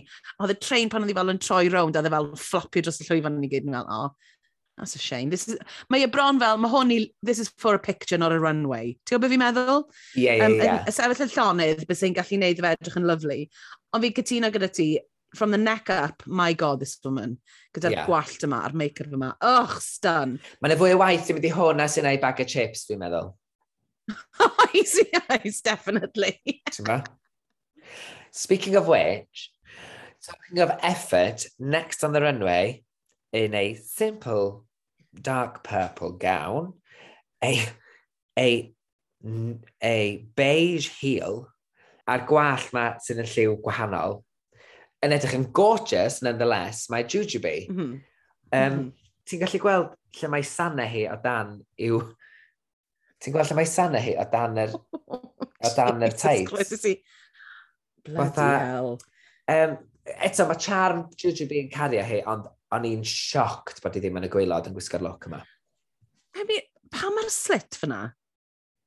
Na be fi... Mae'r ma, slit, basically, yn stopio just i'ch bain i crotchy. I, I mean, it's great, she's tucked and everything. Ond mae fe just bach fel, I can see her pants. And they're not nice pants. They're not like a flash of colour neu rhywbeth rude. Um, Mae'n edrych fel Texas oil baron's wife, new wife who's come to the party and she's ready to mingle. Ond, does that mean she's a winner? Ti'n gwybod beth dwi'n meddwl beth sydd wedi digwydd? Be? O ystyried caliber Jujubee ac o ystyried sut mae wedi gwneud so far o ran i'w dewisiadau, dwi'n meddwl mm. bod yna rhywun arall fod i ddod, bod i'w visa nhw ddim wedi cael ei dderbyn neu rhywbeth, a bod nhw quickly wedi cael ei mynd pwy arall gael ni'n lle nhw a bod nhw wedi dewis Jujubee, a mae hi wedi mm. mynd, ie, ie. A mae, dwi, o, ran ei look sy'n All-Stars dwytha i gymaru efo hein, di hein ddim wedi cael i'w ystyried lot, dwi'n meddwl. Alla, ond, I mean, mae'r actual ffrog, os ti'n edrych ar y ffrog i hun, mae'n lyflu. Mae'r lliw yna yn absolutely gorgeous and she's dripping in sequins. No. A, oh, oh, oh, no, no, no, no. No, no. no. Rhod i hi drws nesau Mo Hart. Na, fi'n cytuno, ie. Yeah. Neu Jimbo. Yn gwybod. Fi'n meddwl bod ti'n meddwl bod hi, falle bod hi, I don't know. Mae gen i weld be arall mae'n dod lawr the runway hefyd, achos ar y funud, she's, she's not living up. Ond, no. hefyd, falle bod fi'n rhoi gormod ar yr hyn Jojo, um, achos fi'n mynd i ennill. Ond, Eto, fi ddim yn hoffi'r um, earrings yma particularly. Uh, mae'n bach yn fawr, a mae make-up i ddim yn gret. Na, chdi. A dwi'n meddwl bod yn rush. Very shiny, very yeah. shiny. Oedd yr, oedd yr highlighter wedi'r ymlaen, fath o wedi'r oil ar ei boch. Oedd. Dyna'r un peth pan oedd hi'n canu hefyd. Dwi'n meddwl, wow, Juju, where you gone, girl? Step away from the make-up mirror. Step away from the highlighter. Oh, tell you who did do some ymdrech pangina oh. heels. Yn y floor length, Fuck silver me. gown ma wedi'w ysbrydoli gan ei diwylliant hi yn Highland ac um, mae'n wisg sy'n sy rhannol draddodiadol efo sash dros i hmm. ysgwydd hi. Mae'r llewis a yr defnydd dros y bust yn see-through. Mae gen i wig sydd er, sydd yn fatha um, blond, gole, gole, gole. A wedyn yr headpiece traddodiadol mae bendigedig sy'n bron edrych da tŵr efo planigyn mm. yn, yn hongen ohono fo, I mean, drag excellence. A drag excellence. Wedi wedi bod yn inspired gan, uh, gan by a goddess. A mae'n edrych fel Dewius fan hyn, ti'n fod. Mae hyd yn oed, mae hyd yn oed, mae'n edrych fel angel, like a tie angel. Ti'n byd fi'n meddwl, mae, achos mae'n mae wyn i gyd. Um, a, tyd, gyda lliw lyflu chroen hi, dwi e ddim yn golchi hi allan, a mae'n edrych yn angylaidd, ti'n modd. Mae gen i hi, uh, mae di hyd yn oed yn gwneud gwyn dros i braws hi, mae make-up hi yn impeccable, a fi'n meddwl bod hi'n edrych yn absolutely stunning. Be ddeth ti'n feddwl y look ola ar yr enwau, sef Blue Hydrangea, yn yr look PVC, dy melyn a pink ma? Falle jyst fi yw e falle taw fy chwaith i we, fi'n casau lliwiau neon gyda di. Fi jyst yn casau e. Mae fe'n yn edrych fel um, uh, licorice all sorts i fi. Mm. Fi'n hoffi mm. licorice all sorts, weirdly. Ond, fi ddim yn hoffi fe. Fi'n meddwl bod y look yn eitha odd. Dwi ddim yn meddwl bod yn it's, it's a winner. Um, mae'n edrych bach all over the shop, a mae'n edrych yn really cosplay, which is, sydd yn hollol fine, ond fi ddim yn gwybod beth yw'r reference. Um, fi'n meddwl oedd yr we, mae, be mae wedi'i gwneud efo'r wig, mae'n y ddau fel strand di yn y wink, sort of candy floss yma'n beautiful. mae'n make-up hi, mae'n mae, caru chwarae gyda lliw fel yna. Ond i fi, nes i, nes i just ddim hoffi fe. Dwi'n dwi, gwerthfarogi bod i wedi mynd, uh, bod o gymharu fe Blue Hydrangea yn yw chyfres hi, sef cyfres gynta, RuPaul's Drag Race UK, mae bendant, ti'n gallu dweud, wedi elevatio i'w stael a'i brand, dwi'n meddwl bod o'n ffitio, dwi'n meddwl bod o'n flattering iawn i ddi. Dwi'n licio'r heel chunky mm. platform yma, ond oh, dwi'n peth chdi, oh, dwi'n gwerthfarogi'r dwi gwerthfarogi ymdrech, dwi'n meddwl bod yna lot o waith i mynd i'r look yma, dwi'n just ddim yn licio fo. Dwi'n cytuno chdi no. o ran palet, dwi'n yn rili'n gweithio i fi. So, um, no. gwerthfarogi'r ymdrech, Sorry. she would have been middle of the pack for me. Y gan gynnwys, middle high. Middle high. Yeah, Och, y perfformiad hi. Mm, yeah. Na, yeah. Ond, Ond ar yr un pryd, dwi ddim be fi'n hoffi, ond fi'n gallu gweld bod na ymdrech ti'n mynd mewn, edrych ar y make-up, edrych ar y gwallt. Sorry, nes i just burpo. Um, mae ma, ymdrech ti'n mynd mewn i'r gwallt, i'r make-up. Aid ond ydy'r outfit, so mae di trio fan hyn i wneud, she's trying to give us something at least. Um, ble mae yna cwpl o'r uh, rhai eraill, well, maybe they could have done better. Uh, possibly. A wedyn, yn ni'n ymlaen i'r critiques. Uh, so mae Lemon yn gweud, they said, I've seen it before. Um, the face was missing, oedd hi'n edrych yn nonchalant. A oedd Michelle yn meddwl bod wedi gallu gwneud mwy o effort efo'r outfit, efo'r runway. Ond ni'n eitha sioct ar efo hynna, achos ni'n meddwl bod hi'n edrych yn really nice. Dwi'n cytuno fach chdi, a dwi'n meddwl mae'n rhaid i gofio hefyd, mae nhw, mae beth ni weld ar y teledu ydy be mae'r cynnyrchwyr wedi benderfynu ddangos, achos dwi'n siŵr bod bob un o'r Queens mae'n cael um, sylwadau calanogol a wedyn rhai adeiladol hefyd. So, mm. a, achos dwi'n sioc yn clywed bod bo Lemon yn cael sylwadau am yr outfit a rhai eraill ddim. Wel, exactly. Dyna be fi ddim... Mae'n teimlo fel bach o justification. Mm -hmm. Yndi, yn hollol. Maen nhw wedi ma soffno'r blow ar gyfer y diwedd yn un do. Mm. Do, I mean, oedd, yeah. I, I mean, yeah. I mean, a wedyn, yeah. uh, Jackie J.K. Janie JK. Janie. Fi wedi sgwennu allan y fanatic, a nawr fi'n sylweddoli bod fi wedi sgwennu fe'n wrong. Janie, Janie JK. Um, Ond nhw ddim yn hoffi'r outfit yn y talent show, gweud bod nhw'n eitha ill-fitting. Mel C yn gweud bod nhw'n cheap. All right, Mel C. I know. Graham yn gweud, um, it just didn't scream world class. A I guess it didn't, yr, er, yeah. er actual thing. Ond oedden nhw'n hoffi sydd wedi'n edrych ar y runway. Dwi'n meddwl bod comments Mel C yn gyffredinol am hyn. I think she needs to soften how she says things. Ie, yeah, mae'n fy teimlo bach yn... bach yn... Rhy oh, familiar. All right, Mel C. So mae'n dod gen rhyw Paul neu gen Michelle neu gen Graham neu Alan. So ni'n fatha, fair enough, maen nhw'n ma nhw neud hyn ar y gyfres mm -hmm. constantly. Ond mm -hmm. mae'r ffaith bod wedi dod ar y benod gyntaf yma, mae'r Queens yma sydd wedi bod yn neud i drag ers blynyddoedd ac yn neud o ar lefel rhyngwladol, Jyst da, oce, okay, Okay, Mel in the tracksuit, calm down. yeah, uh, the iconic tracksuit, though. My own Spice Girl, so she did...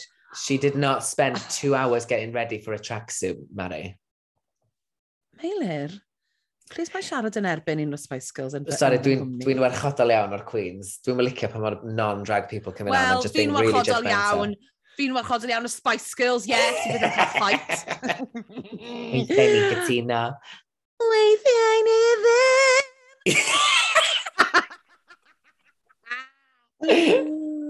oh, a wedyn mae gennym ni bag of chips Mel sy'n caru hi, embodiment of, of UK drag. Mae hynna oh, wir, okay. mae hynna wir, I guess. Right, right.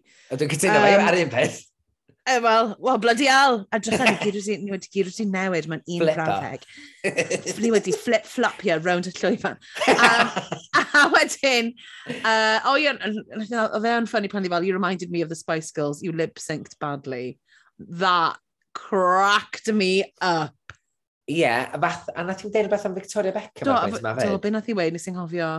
God, O'n i'n mynd i weid, ta be, nes i, nes i ddechrau yn, yn gweud hwnna, a wedyn o'n i fel, oh, fi'n cofio bod oedd hi. Funny. Did I you lip sync badly, or you sang, even, uh, fath, rhywbeth fatha, ah. fatha Victoria Beckham. Rhywbeth, rhywbeth, rhywbeth, rhywbeth, Victoria Beckham. she, she came for Victoria Beckham and I was not here for it. Oh, there we are. Dyma'r rheswm ti'n mynd hoffi Mel C. Here we go. Just, just that, yeah. Ddim bod angen i neu fi liciau, ond um, dwi yn liciau. Mae yna just, just pethau nath i ddeud dwi'n angen fo, basically. I'm getting really hot bothered. Bye. um, a wedyn ni, mae nhw'n sort of sôn am y performiad, uh, sôn am yr outfit mae'n gwisgo. A oedden nhw fel, oh, once you've explained it, it all makes sense nawr, nawr te mae yna ddigonedd y Queen wedi dod lawr, Queens wedi dod lawr y runway, ble mae rhaid nhw esbonio beth maen nhw'n gweud, a maen nhw'n gweud, you should, always, you should just know what it is already. Lle maen nhw'n ma rhoi lot o slack i bag fan hyn, achos mae'r outfit yna is not good. Na. A wedyn ni, unwaith mae hi'n unwaith mae hi'n esbonio, maen nhw fel, oh yeah, okay. And they move on. A mae hwnna'n rili, oedden ni fel, na, na, na, Yn enwedig ar ôl i be maen nhw'n newydd wedi lemon. Mm -hmm. Come on, mhm. guys.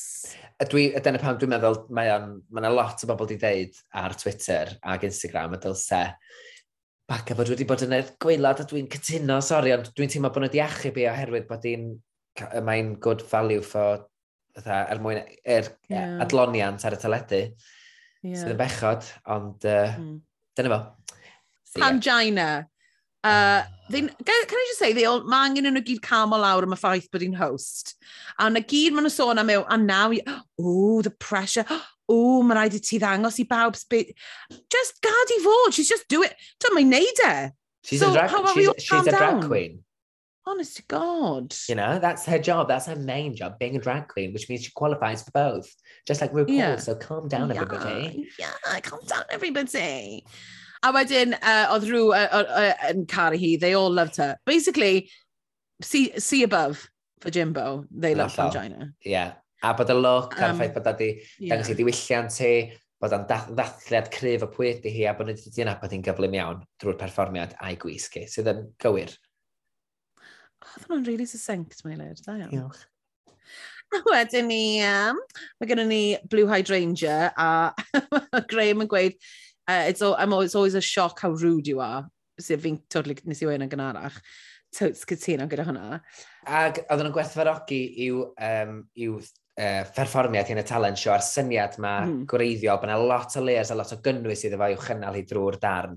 A dwi'n cytuno, ac oedden nhw, oedden chyddi bach o criticism o'r feirniadaeth o'r wisg, a fel da ni'n deud, da ni kind of yn cytuno efo, ond oedden nhw'n gwerthfarogi mm. bod yna lot o ymdrech yn mynd iddo fo. Felly, um, dyna ni.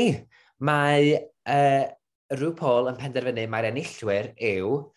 Dan dan dan dan, shock horror, Jimbo a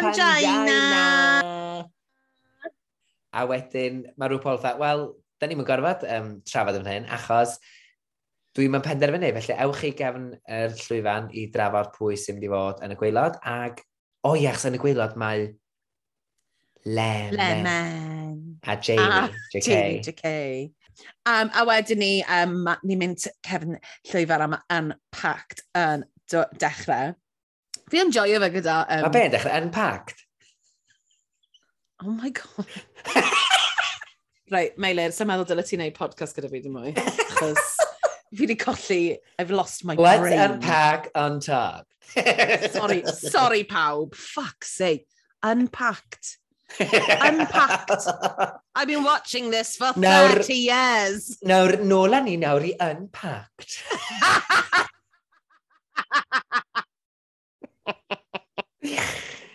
A oh, dyma ni nawr um, gefn llwyfan gyda Unpacked. Um, Mae ma, hwn yn very staged mewn ffordd ydi, so o'n i fynd drwy hwn yn reit... You know, I do love it. O'n i fynd drwy hwn yn reit gryno. Um, A wedyn ni'n cael yr deliberations rhwng y Queen sydd yn ennill a'r Queen sydd wedi um, dod yn y gweilod. Um, a ni'n cael lem, lem, a Jimbo gynta. a mae'n really weird, achos maen nhw wedi, ma wedi setio lan yn barod i ni, ww, maen nhw ddim really ffrindiau. Maen nhw sort of ddim really oedd Lemon fel yn gynharach man yn gweud, I don't have a number, we don't talk, we're just very different. A wedyn nawr maen nhw fel, mae fel, you're my sister. You're my Canadian fel, sister. Fel, ma, ma, ma, Lemon, fel, yeah, yeah. Diol, yes. okay. Yeah. But I didn't like your performance. Okay, so ni'n gadael y bit yna meddwl, oh right, so yw Jimbo am mynd i fynd yn mynd i achub? yeah. Yeah. A wedyn ni'n cael uh, Janae a Pangina A dwi'n ffordd nhw'n really nice y bit yna, ni'n meddwl. Oedden nhw'n sort of yn dangos bod nhw'n agos at ei gilydd. Janie a Pangina, ie. Yeah. Oh, Janie. Janae. Janie. Janae. Man Janae. Manel. Yeah. Janae. That's be... a great name. Oh, fuck it. Janae. Janae? Janae. Ond, ie, yeah, fel ti'n um, dweud, mae Jane Janie a... Uh, ti'n neud yn awr! I'm sorry! mae Janie a Pangina, mae Janie'n really cytro so mae pethau gan reit oeraidd ac ysdau. Di? Cysadlethion, dwi eisiau bod yma, nath hi'n neud yn waith na fi, save me. Mm -hmm. A mae yeah. Pangina, dda, o, ie, mae rai fi gael sgwrs efo Lemon hefyd don, gan i weld. So, dwi'n yeah. licio'r ffaith bod Pangina, uh, bod Janie yn reit, na, cysadlethion, let's cut the emotion and let's get to it, yeah. let's fight. Yeah. Wedyn, wedyn maen nhw'n swapio, so mae uh, Janie mynd at Jimbo, mae Jimbo fatha, well, I mean, she is my sister. Lemon's my sister, and, you know, it's going to be hard. I didn't, I didn't like your performance. Okay, Jimbo, fucking hell. Playing this like queen, like above it all role. On well, all right, Jimbo, we'll see. So, fa, A mae gen ti anxiety hangover, dwi eisiau Jimbo yn TV, jyst yn siarad efo fi. Oiti? Yndw. I could think of anything worse. No, just, just, just entertain of it. Just yn eitha, I ah, think all my demons would go away. Because, because Jimbo would be the demon. Yeah, yeah, okay, fair enough. The demon's in the room, I can deal with it. Confronting my demon, a.k.a. Yeah. Jimbo. Um, Wedyn. Oh. Wedyn mae Pangina a Lemon yn siarad. Pangina fatha eh, yn garedig ond eto um, yeah. She's, my, she's holding her cards very close to her chest. Ydy. Wel, mae rhaid i ti'n y bit yma, nos e. Ti'n methu gweud, I'm going to save you. Oes. Unless, ti'n cofio, pwy oedd e, un cyfres oedd fel, let's do an alliance. yeah, oh my god. Pwy oedd hwnna? Oh, hwnna. All stars. Legendary. Um, oedd hwnna'n amazing.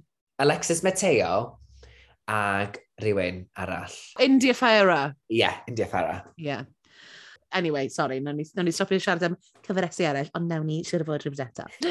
um, a wedyn ni, i cario the lipstick yn y glob, a mae gen ti'r fo ma'n rhywun silly na pan ma'n fel, I don't know which one to choose, a maen nhw'n ffondlo'r make er lipstick. a ti'n fel, oh o'r gorau. I mean, nice nails. Mor camp. I, I am here for all of that. High, high camp. So just just to let you know what we're going to do here, we'll do a close up of the face, just of you just, you know, wondering, and then we'll come down to the nails. We want to see you decide with your nails. So we want to see the emotion in your nails if possible. Okay, darlings. And they give it to us. They give it to us in spades. Um, Nôl um, ar ni... y runway, dyn ni'n cael mm, clywed mm, mm, mm. um, bo mae'r y gan dyn ni yn lip-syncio iddo fa wythnos yma yw Giving you every... Sorry. Say you'll be there. so, nes i sylweddoli bod... Say you'll be there. Sylweddoli nes i fy mewn am y bit hyrach. Plawn, fi'n meddwl o ti just moyn fi fynd say you'll be there. Na, an, Ond o'n i fel, if I'm singing it, if I'm singing it, uh, o flaen Mel C. Oh! Oh! Pressure! Mae, ond mae hynna reit cool hefyd cael deud mm. bod ti wedi perfformio. Neu beth yn gynnu gyfer swythau, bod ti'n cael perfformio fan yma bent yn, like, bod ti'n cael cyfarfod o flaen pan ti'n cael perfformio o flaen yr artist, mae'n e'n reit special. But Ydy. you better bring it. Unfortunately, there was what I would like to call a hot mess ar y llwyfan. Oh, Be ddigwyddodd hi? Wel, mae yna rhai pobl wedi gweud ar Twitter a Reddit bod Jimbo thrown it achos bod e ddim eisiau taflu lemon allan. Ond, I mean, oedd e'n mad. So, oedd Pangina yn amazing, rocked it, give me everything I needed. The joy o'r, or gan, oedd e'n amazing. A wedyn ni, oedd Jimbo'n wandro draw iddi cerdded nôl y blaen y llwyfan, yn bron o bod ar bwrpas yn pwmp, uh, pwmpio, yn bwmpo, pwmpio hi, yn bwmpo mewn iddi hi, cwmpo drosodd, oedd yn embarrassing. Oedd, o'n i'n mynd all hynna, o'n i'n fatha... Na. Dwi'n cytuno, achos y peth ydy, do'n e ddim, do'n e ddim uh, risg fan hyn bod Jimbo, Jimbo mynd adre, Na. O, fod wedi colli lip, lip sync. Lip sync. So dwi'n meddwl bod ni... Dwi'n meddwl bod i fwriadol wedi deud, dwi'n misio gyrru neb adre. So, na i ddaw, achos cwbl i fyny ar sgipio rond y flippin llwyfan, a chwarae teg i pa China Heels a fod yn rili really caredig pan mae Jim Bont ar y fewn ddi am fatha'r pumed yeah. chwech gwaith o gyda eitha, are you okay, hun? O'n i'n teimlo bod pa China, yeah. are you okay, hun? Nath so, i ddalu, stopio i gwmpo ar un pwynt. No. I ddal hi gyda cwmpo. A wedyn ni, mae'n dod off y llwyfan uh, Jimbo, a mae Baga yn gweud, well done, a mae Jimbo jyst yn mynd, thank you, I did not do good. So, yn gwybod bod i ddim wedi gwneud yn dda iawn, ond fucking hell, oedd, mae ddim wneud yn dda iawn, oedd yn bod yn fucking atrocious, a embarrassing and unprofessional, which I thought it was. Sorry. Cytuno fach, um, achos ti'n siomedig ar ôl yr enwi a'r sioe gafodd yeah. Os wyt ti'n cwffio fod yn enillydd yr wythnos yna, come on! Yeah. Cystadleuaeth ydy hon, this is not RuPaul's best brand race. Ac, ac yn heiddiannol iawn, mae rhyw Paul yn dweud, well, obviously, Pangina Heels won that. Yeah, yeah. Ond, so fatha yn America, dda, maen nhw'n fatha, you won that lip sync, so you get $10,000 yn byd bynnag ydi o, am ennill lip sync. Lle fan hyn, maen nhw'n fatha, da iawn, ti'n illodd. Full stop. Ti'n cael badge air. Wel, nid, so, lliw air, false gold, probably. Jesus. Ac mae'n gorfod... O, wedyn ni, mae'n, mae'n, o ie, estyn y lipstick Elizabeth sweaty allan o'i um, bra. Um, a ni'n ffeindio allan, to lemon sy'n gadael. A fi'n all right gyda hwnna. Fi'n... Achos, ydw, fi eisiau gweld mwy o Janie. Janie? Okay. Jenny. Jenny. Janie. Janie. Janie. Fi eisiau gweld mwy o Janie. Fi'n di gweld i'r blaen, a fi'n teimlo nath Lemon ddim dod a what you should have brought us. Oh, there we go. Actually. Actually. ti'n From, an actually. O'n i... Sef, gan bod e cyn lleiad o Queens, swn i'n di meindio os yna neb dim dadra wrth ys yma. Wel, Mae'n rhyw fersiwn lle mae rhyw Paul yn mynd. Um, Dwi'n mwyn gwybod, bod ni'n cael gweld lip sync, a wedyn bod ni'n fatha'r gwobr neu rhywbeth, fatha bod, un, bod y person yn imiwn ar gyfer y wythnos nesa, ar gyfer un yeah. wythnos. Achos, os ti'n gwa... os ti'r ti Queens mae'n gwario'r holl bres, a mae hyn di teithio o Canada, Wel, mae yeah. lemon i teithio Canada, mae o'n really mean i'r un o adre. Ond dwi'n mm. recno fydd ni'n dod yn ôl ar gyfer y benod ola, braidd, which will be yeah, filmed sure. within, within the week. yeah. Come back tomorrow, we're doing well, it lemon, all. You can have a look around the Met Quarter in uh, Manchester, but we'll give you a call in two days to come do the finale, if that's all right. do a couple of shows in Canal Street and then see you later. Oh my oh, gosh. A wedyn mae hi'n gadael a mae'n mynd i gefn y llwyfan ac yn gweud stay juicy. Chos mae'n len. Chos mae hi'n so, len. Hwyl fawr. Len. Lemon. um, uh, a dyna ddiwedd y benod. A ni'n gweld wedyn ni wrthnos nesa. It's a sewing challenge, bag of oh chips ddim yn hapus amdano fe, which is really making me laugh. Um, a fy arwres. Daisy May Cooper. Oh my fucking god, fi methu aros i weld i.